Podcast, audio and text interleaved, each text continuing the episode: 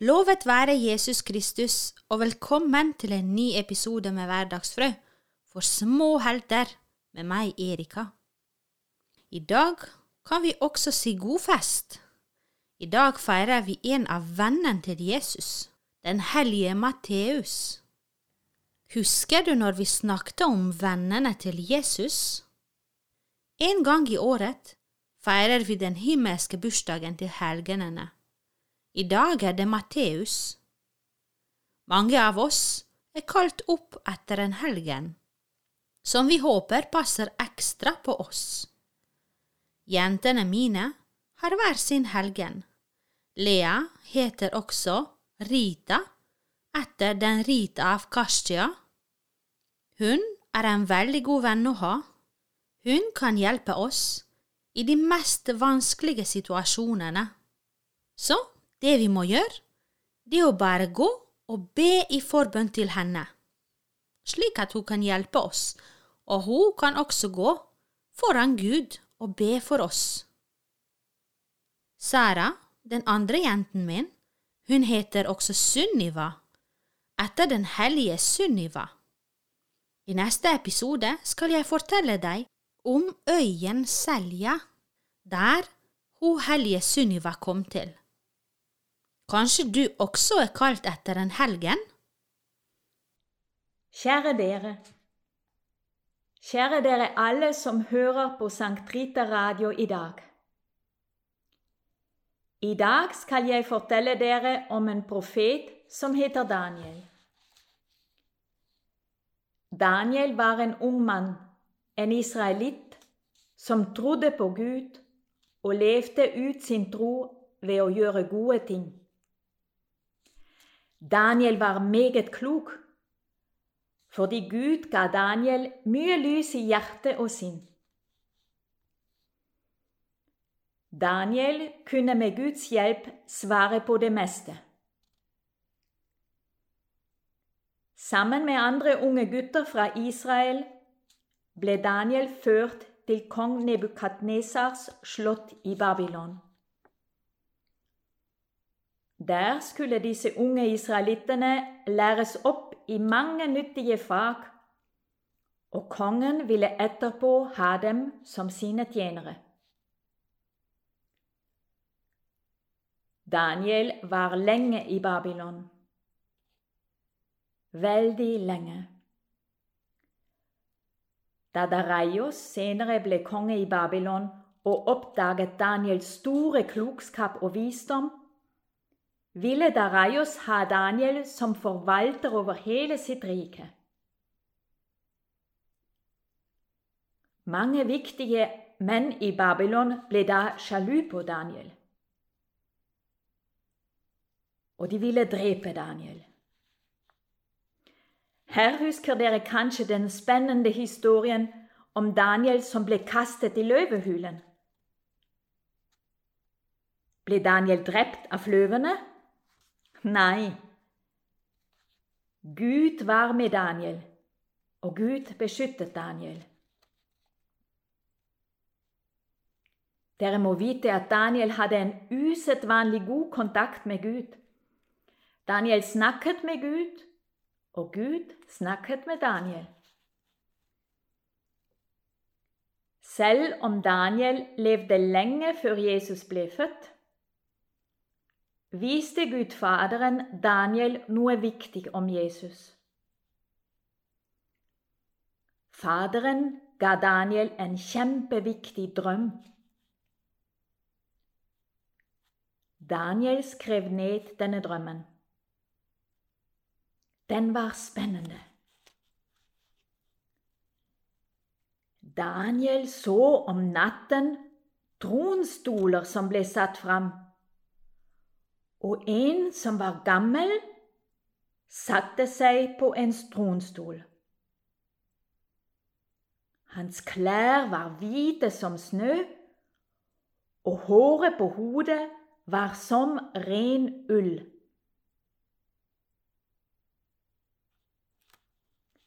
Tusenvis av mennesker tjente ham som satt på tronen. Tusenvis. Så ble et ondt dyr drept.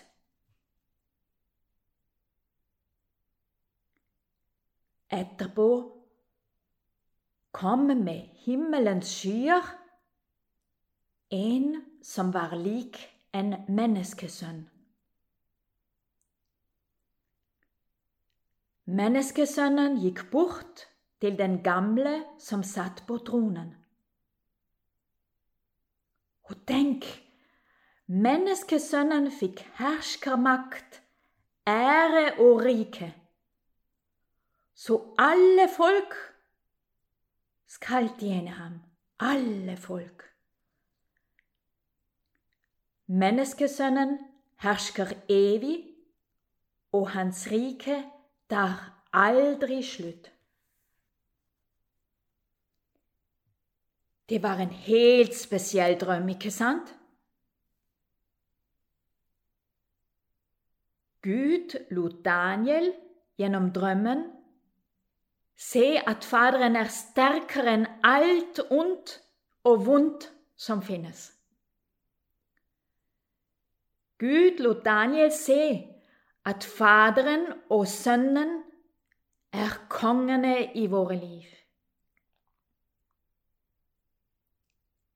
Daniel var lykkelig for det.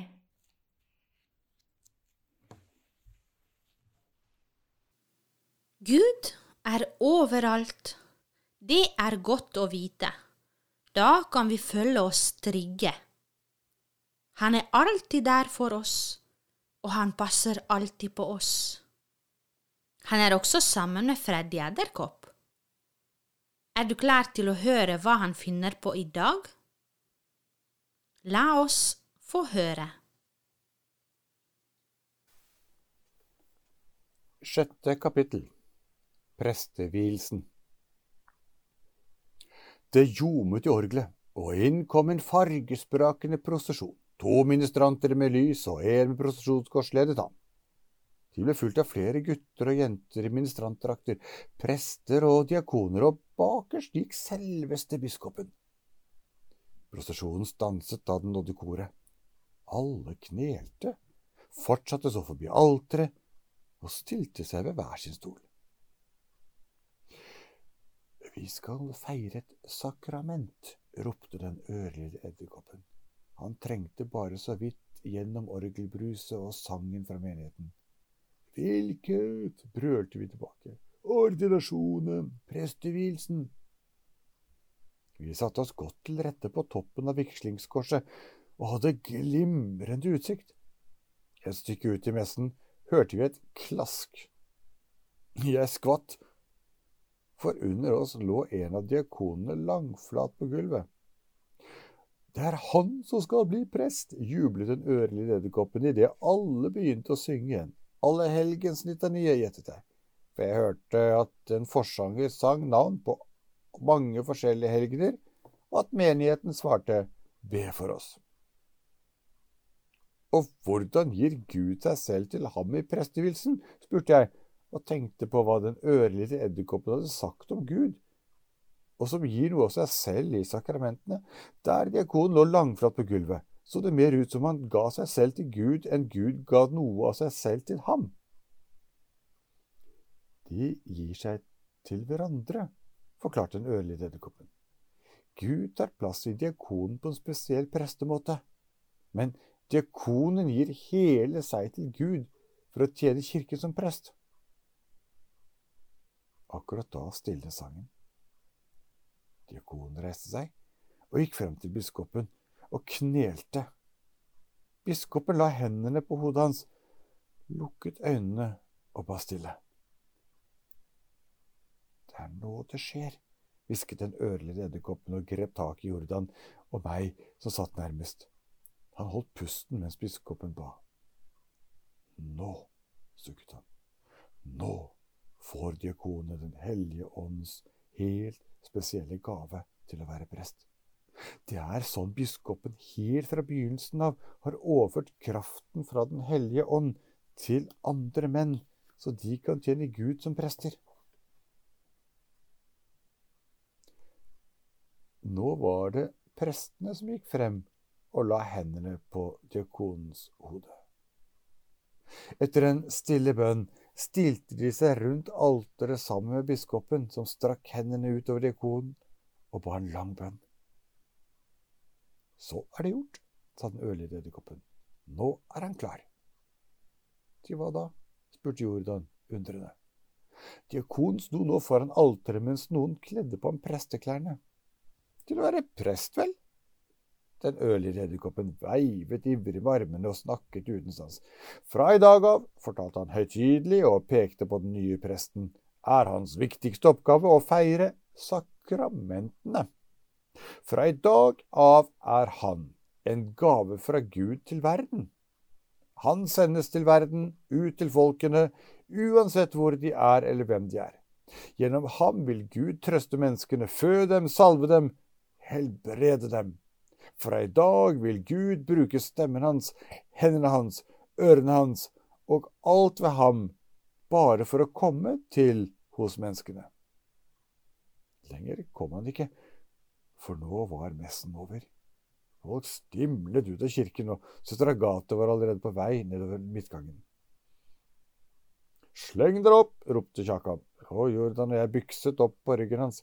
Kjakan løp nedover veggene så fort han kunne, skrenset rundt hjørnet av koret og fortsatte forbi Olavsarmen, bønnelysene og Maria med barnet. Så tok han en snarvei over glassmaleriene med helgenbilder. Vi kom oss fint over St. Olav-vinduet, men halvveis over St. Halvard skled han. Hold deg fast, hoiet Jordan og gjorde tegn til at jeg skulle feste en line til Kjakans rygg. Det begynte å spinne, men for tregt, for Kjakan fikk plutselig fotfeste igjen og bråstanset. Hjelp! hylte jeg og for ut i rommet og flakset med alle de åtte beina.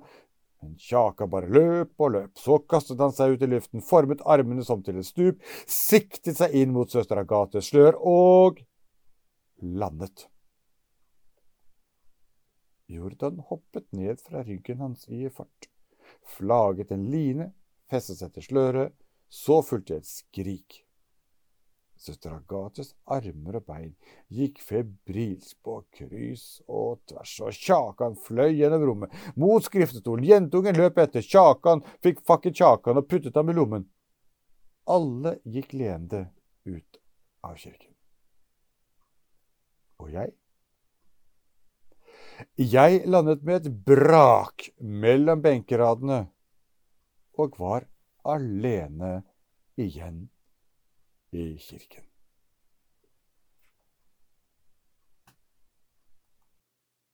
Tusen takk, pater Sigurd.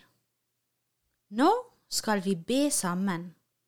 Siden er festen for den hellige apostol Matteus i dag. Da kan vi be om forbønn til han. Hvordan kan vi gjøre det? Først vi kan be en Fader vår, så til slutt kan vi si Hellige apostel Matteus, be for oss. Er du klar? Fader vår, du som er i himmelen. Helliget vorde ditt navn. Kom med ditt rike.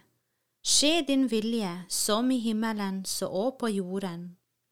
Gi oss i dag vår daglige brød, og forlat oss vår skyld, som vi òg forlater våre skyldnere og led oss ikke inn i fristelse, men fri oss fra det onde.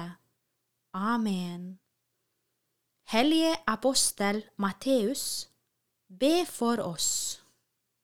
Takk for denne stunden. Så høres vi snart igjen i neste episode. Følg med, og vær nysgjerrig på Gud, og lær mer om ham. Ha det!